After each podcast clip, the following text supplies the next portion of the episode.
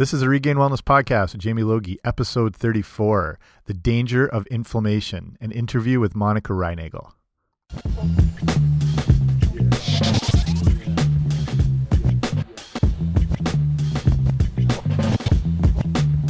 Hey guys, what's happening? Welcome back to the podcast. This is Jamie Logie. I run regainedwellness.com. This is the Regained Wellness podcast. Thank you for joining me today. I appreciate you taking the time, and this will be totally worth your while because I've got an amazing guest, the nutrition diva herself, Monica Reinagel. I've been called a bit of a diva as well, so I know what it's like. So today we are talking about the dangers of inflammation and this is a topic I'm very interested in. I'm always trying to learn as much as possible, and who better else than a highly respected nutrition expert to come and talk to us about what inflammation really is, how it's caused, the dangers that come from it, foods that contribute to it, foods that help fight it. She shares a ton of great info through this whole thing. And I tell her, and I've probably mentioned this earlier. I'd been a personal trainer for years. Um, I got kind of burnt out in the whole industry, traveled around the world, and just started seeing the the difference um, the modern diet started making in various cultures. And I'd seen a lot of remote places on Earth, and just starting to see the issues that would come from it. So when I got back, I my interest in nutrition was very peaked, and one of the first things I came across was Monica's podcast called uh, Quick and Dirty Tips, the Nutrition Diva.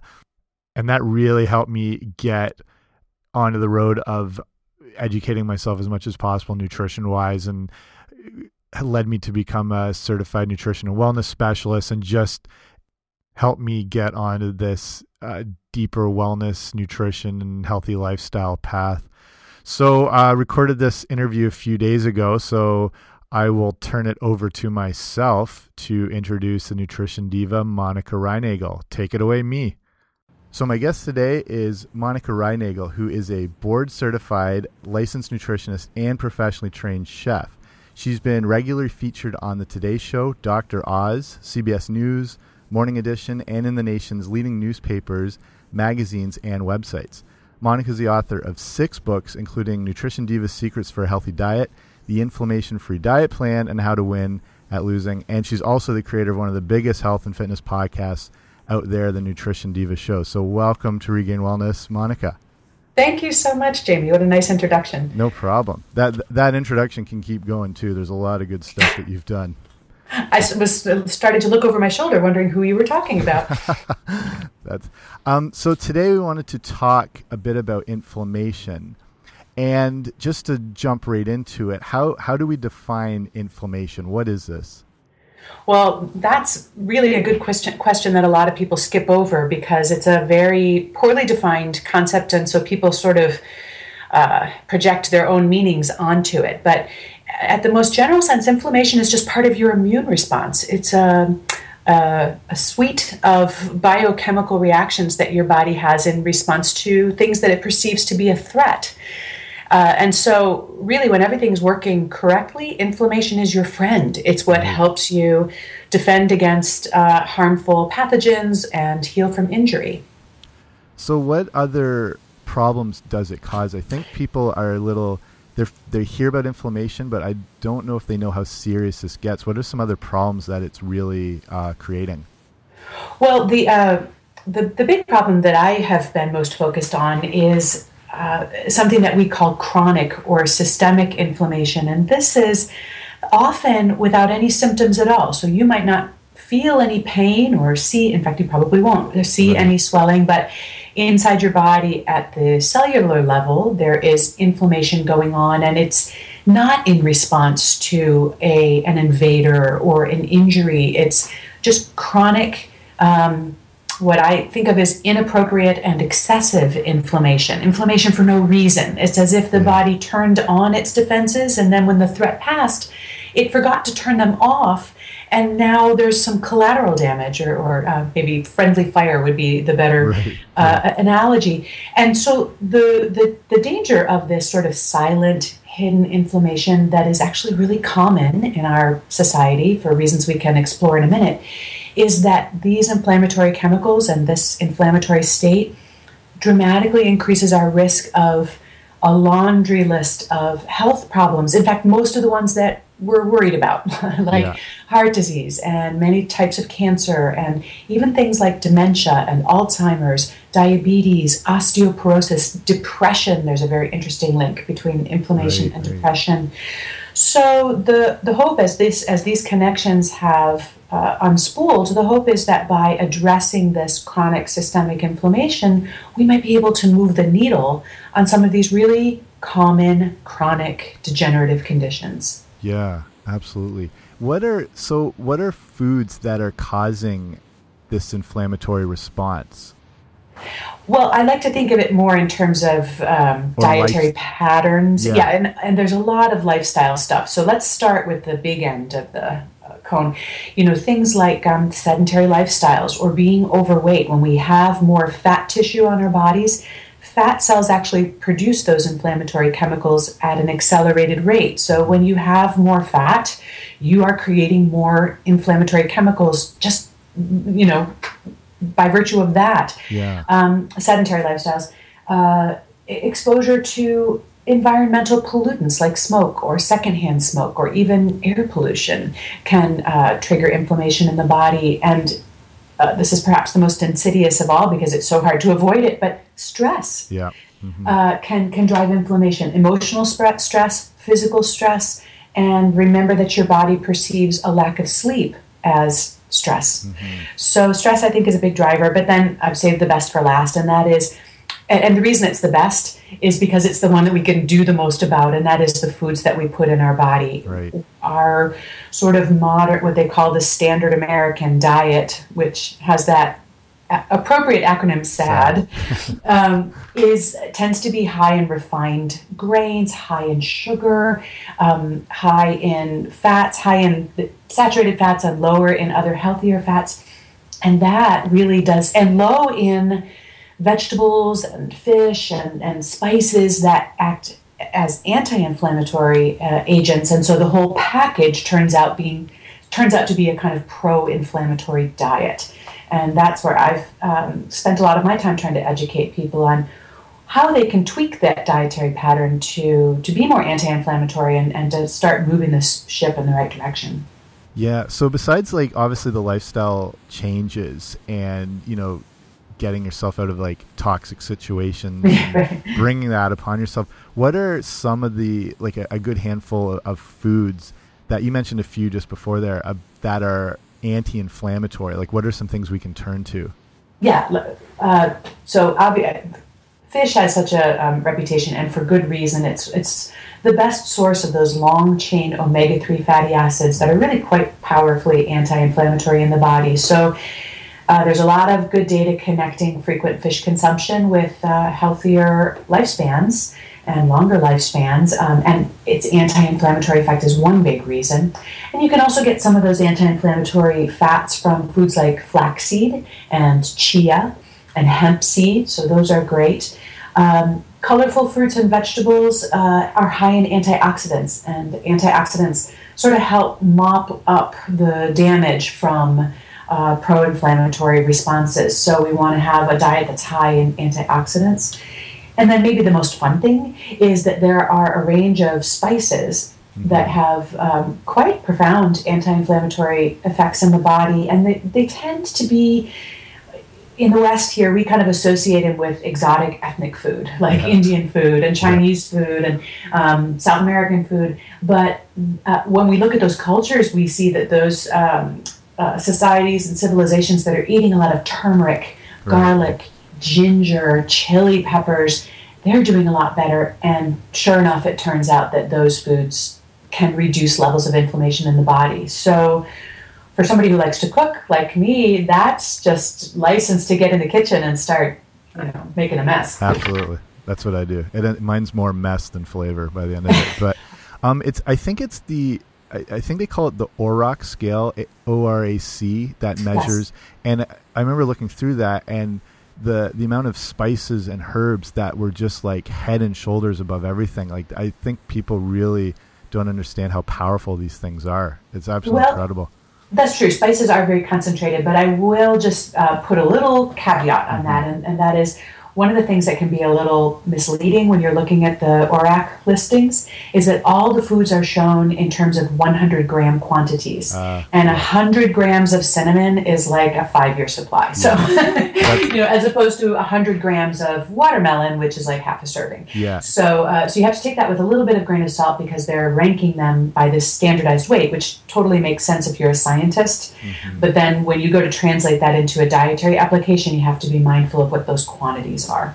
That's a very good point for people to take away. Um, and yeah, that that cinnamon measure that's like a bulk barn supply in one one shot there. Right. so, um, you mentioned fish before. What's your take on supplementing fish oil, whether it's capsule form or liquid form? Does that have any merit, or are you better to stick with the real thing? Um, I think both are true. I do think that it has merit if you are somebody who cannot or will not eat fish and have no other source of omega 3 fatty acids in your diet, I think a supplement is probably far better than going without. Mm-hmm. Now, of course, you know, vegans would not want to take a fish oil supplement, and there are other options for them um, uh, omega 3 fatty acids that are generated from algae. Um, so, so there is a there is a vegan option there, but I do think that you're better off actually consuming your omega 3s in their whole food forms if you can. Um, Eh, for, for a lot of different reasons. But you know, in general, I think that we're always better off getting our nutrients from whole foods than from supplements because they tend to be delivered in the proportions and in the quantities that are uh, uh, appropriate for for our bodies, and also because if I eat a meal of salmon and broccoli and sweet potato or something. Not only have I eaten a very anti-inflammatory meal and I'm very I've gotten a lot of nutrients, but my belly's also full. Yeah. Whereas if I take a if there were such a thing, you know, a salmon and broccoli and sweet potato pill, swallow it down with uh, half a glass of water, well, I did get those nutrients, but my belly's still empty, and and that's where we can get ourselves into trouble. It's like, well, bring on the French fries then. Yeah. So so I like to see people getting their nutrition from foods, um, not only because I think it's superior nutrition, but because then that also tends to push other less nutritious foods off the plate because you just run out of room. Right. I'm sure Walmart will be working on that pill at some point to release. Uh, That's right. From yeah. my lips to Sam Walton's ear. Yeah, there you go. Um, so obviously, like combating inflammation is is quite a bit of a process. But when you start to, you know, add in these anti-inflammatory foods and you start to make healthier lifestyle choices, what what can you expect health-wise to follow when you start making those changes? Well, it kind of, I think that's going to be a very individual thing. I certainly have heard, you mentioned uh, my book, which came out about eight years ago. So there's, you know, tens of thousands of people who have used this, and I hear from a lot of them. Um, and so I, I, know their experience is kind of on an anecdotal basis, and, right. and and people who start who go on the diet because they're suffering from joint pain or uh, you know um, other kind of perceptible symptoms of inflammation will often say my knees felt better. My fingers were less swollen. You know mm. my my skin looked better after two or three weeks. I you know felt better um, that always makes me feel like a million bucks. But yeah. you know, you have to. There, there's certainly that's not a controlled scientific experiment. But if you're having pain from joint inflammation, you know, there there's some hope that uh, that that pain would go down. There are other ways, though, to evaluate whether it's doing anything for you, um, and that is that we can measure inflammation in the blood. And here's where the big money is in terms of research. Um, and that is, there's a very inexpensive blood test called C-reactive protein and a lot of doctors are starting to order this as part of a you know just to go to get your physical and they do the blood panel where they're going to look at your cholesterol yeah. and your triglycerides it's getting more and more common that they throw that crp in there too because it's turned out to be such an important marker and we can see that those levels go down when people start mm-hmm. making changes in their diet and making changes in the lifestyle that may not be as fun as you know something that you can feel or see in the right. mirror but if it makes you feel good to know, wow, I'm really lowering my risk of long term diseases, I'm extending my projected lifespan and health span, you know, hopefully that can be motivation enough. Yeah, that's awesome. I like I've been a personal trainer for a long time and that when I try to get people to take out those inflammatory causing foods and add in the good ones and that's they they're so excited to see like yeah the less joint pain and the swelling it's nice to see those like i know yeah people want to see a little more stuff on the surface so it's encouraging in either either situation in right yeah, and that's a, that's an excellent point. You know, people who um, athletes who train very hard, they are experiencing inflammation for whole different reasons, right. um, because they're actually creating micro damage in the muscles on purpose, of course, to to um, to gain strength. But that is an inflammatory response, and the uh, you know an anti-inflammatory diet can help to um, help with recovery because you're essentially sort of creating some inflammation in a, in a controlled and intentional way. Um, and that's where an anti-inflammatory diet can can help you um, recover faster. But I would we were talking a little bit before about antioxidants. I would uh, caution athletes against taking big doses of antioxidant supplements after they train. Um, for a long time, this was popular. I don't know how you feel about that. Maybe I should wait and maybe I should no, pause and like, ask you what your point of view on that is. No, that's fine because like I work with a lot. I've worked with a lot of young athletes, and mm-hmm. I'm curious about that myself because you, you, see, it's something I'd I, I would have pushed myself, you know, fish oil supplementation before the antioxidant, just because of like different research. And so, what's your take on that then? Well, this was a very popular strategy uh, you know, five, ten years ago among high level professional athletes that after a big workout, which we knew would trigger a big surge of free radicals yeah. in the body, uh, that you would pound, you know, a handful of high dose antioxidant vitamins. And that kind of makes sense, right? I've got a mm-hmm. bunch of free radicals, so I'm going to quench them with antioxidants. And, and what they have found, and this is like one of those, you know, face palm moments, is that the, um, that that dosing the body with those concentrated doses of antioxidants actually shortcut the body's own adaptive response right, to exercise. Yeah. So, in a natural state, when you create those free radicals, it moves the body to respond, and and and by taking antioxidants in such high doses, you you prevent the body from making that healthy adaptation. And so it actually wasn't helping, it was actually hurting. So, uh, you know, I think it's fine to leave your workout and have a nice, um, you know, vegetable juice or salad or, you know, whatever your yeah. next healthy meal is. If it's antioxidant rich, that's great. But that's a little different than taking, you know, 5,000 milligrams of vitamin C, et cetera, in a, in a pill. That really does um, seem to be, excuse me, working at cross purposes. That's I was just reading about this like a few days ago, but not as specific for athletes. Just about the idea of letting like your body can take that little bit of stress and it needs it. Kind of like a I forget what they were comparing, like a car and cruise control.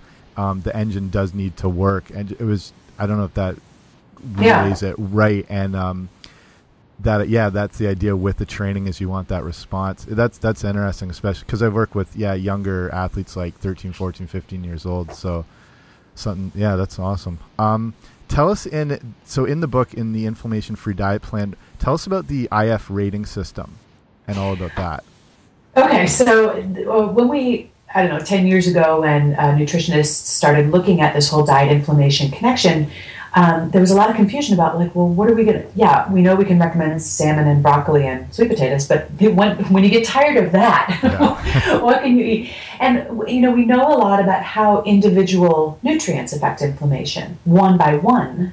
You know, we know which ones tend to provoke inflammation and which ones tend to quench it. We can test them kind of one by one in controlled environments, but Jamie, we never eat single nutrients, right? We exactly. eat foods altogether, and there are so many foods that present a combination of pro and anti-inflammatory nutrients. Um, red meat is an example, like a nice, healthy, lean red meat, grass-feed, grass-fed bison, whatever you know you're into, is going to have some saturated fat, which tends to have pro-inflammatory effects, and usually an equal or greater amount of monounsaturated right. fat. So, which category are we going to put that in the pro or the anti category? Exactly. And uh, juices, uh, fruit juice is another good example. Like even fresh pressed fruit juice, like from a juice bar, yeah.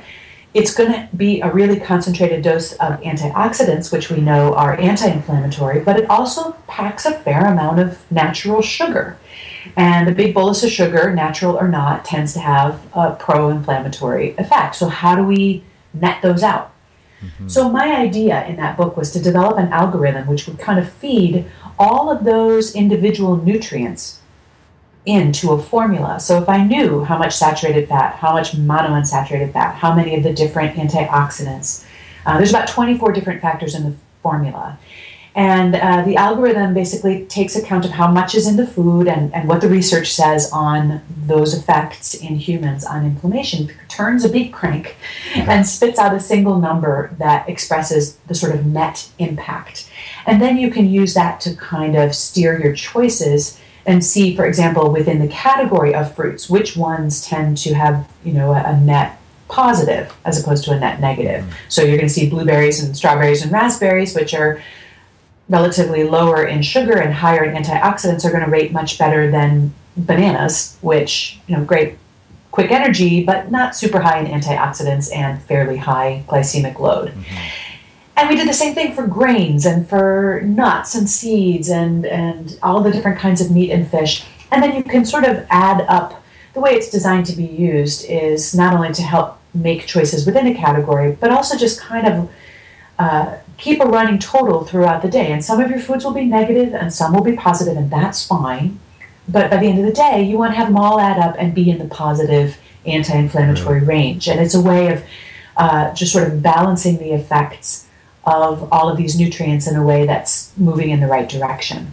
Awesome. So, yeah, so that IF rating system has become fairly widely uh, uh, adopted as um, a, sort of a metric, a way of looking at all of these different compound effects and trying to make it a little bit more objective and a little bit more evidence driven than just kind of everybody's lists of favorite foods. Because what I see in the popular literature when you know some celebrity fitness trainer jumps on the anti-inflammatory bandwagon is that any food that that person thinks of as healthy becomes anti-inflammatory yeah. and any food that uh, they think of as bad for you becomes inflammatory. So it depends on where you stand on soy or right. or meat or or whole grains, which category, and that just seems way too arbitrary. Anti-inflammatory is not simply a synonym for good for you. It's a little bit more specific than right, that. Right, right. Awesome. Um, yeah, I think it's important for people to realize that that fact that we don't eat these individual nutrients, we eat food, and you have to right. look at it as a whole whole thing. so, meals, right? Yeah. Um, so, in just a few other things, in Secrets for a Healthy Diet, um, just moving into the hopeful, you know, lifestyle changes people can make. Yeah. A few things you touched on. What? How often should we be eating? Ah, uh, this is such a big debate, right? Yeah. Um, there's sort of two camps, um, and at one extreme are people who are eating once a day or having these very shrunken eating windows. Maybe you've read some of this research mm-hmm. where uh, sometimes it's referred to as intermittent fasting, yep. or people will restrict their eating to, you know, they'll only eat between 4 and 8 p.m. or or sometimes it's a longer window, eight hours, 10 hours, or something. Yeah. Um, and then the and and you know they're chasing some benefits of of having longer fasting periods and that sort of mimic some of the benefits of calorie restriction, which is no fun. Mm-hmm. Um, and then on the other end of the spectrum, you got people saying, well, if you don't eat every two hours, your body's going to go into starvation mode and your metabolism is going to shut down. Mm-hmm. Uh, I I don't think that there's really any scientific support for that point of view.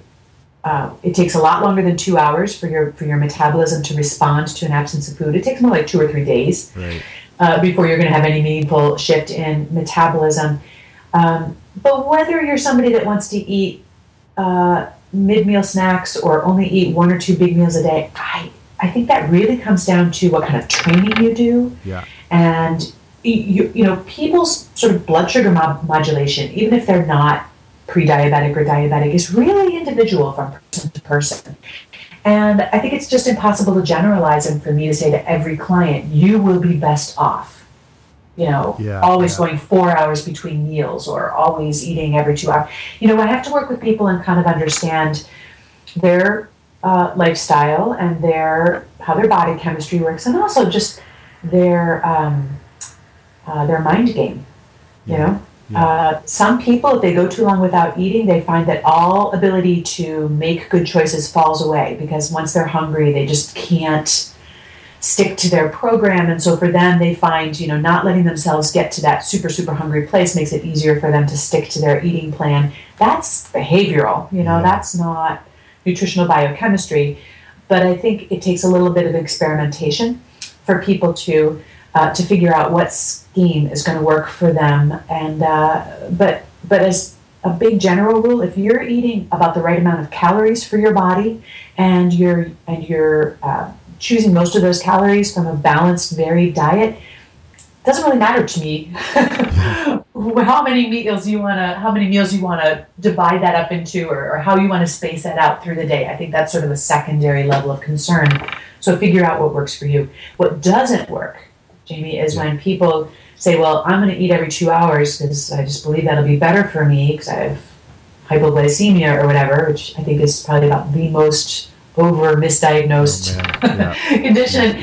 Um, and but they forget that if they're going to eat twice as often every meal has to be half as big. And so they just add an extra six or eight hundred calories onto their day and then they're wondering why they lose weight. So the more meals you eat over the course of the day the smaller they have to be. And yeah. that's pretty self-evident but you'd be amazed how many people sort of miss that little um, small print. Right. These are great takeaways about the the fact that it's not like a cookie cutter thing that applies to everyone and you have to like i tell clients like even just say something about water. I'm like i can give you a good guideline but it's going to change depending on your situation like your activity level or the environment or the humidity you know right or your percent uh, lean muscle tissue exactly, as that yeah. you know and, and how much protein is in your exactly. diet i mean they're just yeah I, I know that it's more satisfying to have just kind of one big heroic prescription that's the end of all problems but I just found in real life it doesn't work that way. Yeah. And uh, people have to, but but you know the, the fun is you get to you get to optimize the routine that actually works for you. And sometimes having a, some professional professional guidance like a personal trainer or a nutritionist can speed that uh, iteration process. Yeah. It's yeah that it's such a good takeaway to learn what works best for you and not follow something because like Beyonce is doing it or what you know right. I mean whatever. But absolutely. Yeah. And also to remember that you will change over time as yeah, you yeah. As you age, as you get leaner, or if you don't, you know, if you go in the opposite direction, if you get pregnant, or you know, all the things that if you're recovering from you know a surgery or or, right, or right. an illness or an injury or something like that all of those things you may find um, you know my friends who have young children that's such a stressful time and you're trying to figure out okay how do we work this with the meals and the naps so that everybody you know can kind of survive and invariably in week three the baby's three weeks old and I'll get an email saying, "Well, we finally cracked the code. You know, we've, we've got it figured out. You know, we got a schedule that's going to work." I'm like, "Well, enjoy that because it's going to last yeah. about three days." We solved the puzzle, right? And then it'll be back into the blender. So you have to. You're never kind of done. Yeah, um, exactly. Figuring it out, but Fit, yeah, fitness, health, it's never done. It's always a, a progression. So um, just want to start wrapping up here. Um, for someone, okay, this is this can be a whole big topic, but just like a few quick takeaways for someone who's like brand new to getting healthy and well. They've just walked out of a 24-hour Denny's. They haven't exercised. What what's a few good starting points to get them going? That's not going to overwhelm them, but get them off on the right foot really just like those first steps out the door. Yeah. I think um, for people who are not yet fit or training, I think walking is a fantastic mm-hmm. exercise that everybody can do indoors, outdoors, whatever, and can really help start to build training uh, fitness to the point where you can start doing things that are more um, challenging. That's really more your field than mine. For the diet, I, the first thing I, the first thing I look at is sugar, yeah. is added sugar because I, I it can take up just a shocking amount of calories. It's contributing nothing to the diet, um, and of course, it's as calories as empty calories go, it's worse than empty. It's probably just about the most damaging empty calorie exactly. there is. I do not. I'm not a zero sugar person. I'd be a liar and a hypocrite. Hypocrite if I told you that my life did not involve sugar. I actually kind of have a sweet tooth. Yeah. But um, I keep. It's one of the reasons I work out to, to, to earn a little bit of um, sweet stuff in my life. But I really keep tabs on it. I don't let it get out of control. I don't let it displace healthier foods. Um, and with, with people who are really just taking the first steps, um, nine times out of ten, that is the most profound thing that they can do is to first identify how much sugar is in their lives. Yeah. You know, they, they don't realize that every frappuccino every cup of yogurt, every special K bar, you know, whatever. Yeah. Is 5, 10, 15, 20 grams. So raising awareness about that, setting a limit on that, and starting to work towards that limit, um, I think is probably the first order of business. Awesome. And if you cut out that frappuccino from Starbucks, you're sev- you're saving yourself like eighteen dollars a time, or whatever they're going for That's now. right. So That's right. Put it in your IRA, and you'll Yeah, retire geez. wealthy. yeah. Um, okay, so how can okay if people are listening to this podcast, they've probably been listening to other health podcasts, so there's no way they're not aware of the Nutrition Diva podcast. But how else can people find out more about you besides the your podcast? Um, well, thank you for the for the plug. The podcast is uh, you find that wherever you find other podcasts, and we also do a lot of additional content on our website, which is quickanddirtytips.com. Um, and I'm there with a whole bunch of other lifestyle experts Yeah. that specialize in other areas like uh, time management and relationships and parenting and everything. And we do um, uh, Ben Greenfield is our fitness uh, guru. I do he's nutrition. He's awesome. Um, so there's a lot of great resources there that are not in the podcasts. You know, extra recipes and tips, and a lot of Q and um, I spend a lot of time every day talking to folks on my Nutrition Diva Facebook page. So if people just want to, you know, make contact and sort of get in the conversation, and they're on Facebook, that's a great way um, to to find me, and also on Twitter at Nutrition Diva. Awesome. I'll, I'll link all this stuff up in the, the show notes. But for people like Thanks. head to that website. That it's one of the best resources online. Like it's so thorough. There's so much good stuff. So um, I just want to finish quick with a few rapid fire questions. Just some favorites. Um, so favorite TV show. Oh, I'm addicted to House of Cards. Awesome. Have you finished season three yet? No, I'm pacing myself. Exactly. I, I'm, I'm stretching it out. I'm so against this binge watching idea. Like I like the idea, like the concept, but it when it's o- when I when I finish it in You feel kinda 46 hours, you know what I mean? I got to wait an entire year. So I'm It's only like on eating a whole package of Easter peeps in one sitting. You know, it's like no. pace it, people. Don't you Right. don't have to rush it. It's I, I think people have taken like binge watching as some form of athletic achievement. Like, oh, I finished. Finished For the anti-athletic achievement. yeah, I finished Game of Thrones in two days, feeling pretty good about myself. So. Yeah, but then you wait ten months for the next season, and then you can't even remember what happened anymore. Exactly. exactly. See, these are good tips here too. So, um, favorite favorite movie. um, of this season, the, my two favorites, I'm going to give you two, Yeah. were Imitation Game. Yeah, that was amazing. And um, I was so surprised how much uh, I loved American Sniper. I just thought that was such Yeah. a powerful. Yeah. I didn't expect. I'm not really a you know war movie kind of gal. Um, I thought that was a really important movie, and I was so glad I saw it. Yeah. I don't think you even have to like war movies to enjoy that one either. So, um, favorite music or artist. Uh, you, well, you know, before I was a nutritionist, I was an opera singer. Yes, absolutely. I do. so I got to give a shout out to uh, to my peeps. I think my favorite um, opera singer right now on the stage is Joyce DiDonato. I think she's miraculous. Awesome. I heard you sing. I think it was my funny Valentine on one of your episodes, like a year ago or something like that. It was brilliant. Yeah, I, I try to throw in a little a little sweetener every once in a while. Yeah, Really? when I got something good on tape. Yeah. Um, favorite book, either nutrition or non-nutrition. Oh God, nutrition. No. um, I just finished reading both of the Hilary Mantel um, books about Oliver Cromwell, Wolf Hall, and Bring Up the Bodies. Awesome. Cool. And uh, BBC is now producing it as a miniseries, so Oh, that'll be my next my next indulgence after I finish House of Cards. It'll be awesome then. Did you ever watch the English House of Cards? No, I Like the didn't. the original British one? And no, I, I know that that's what it was based on, and I just I can't imagine how.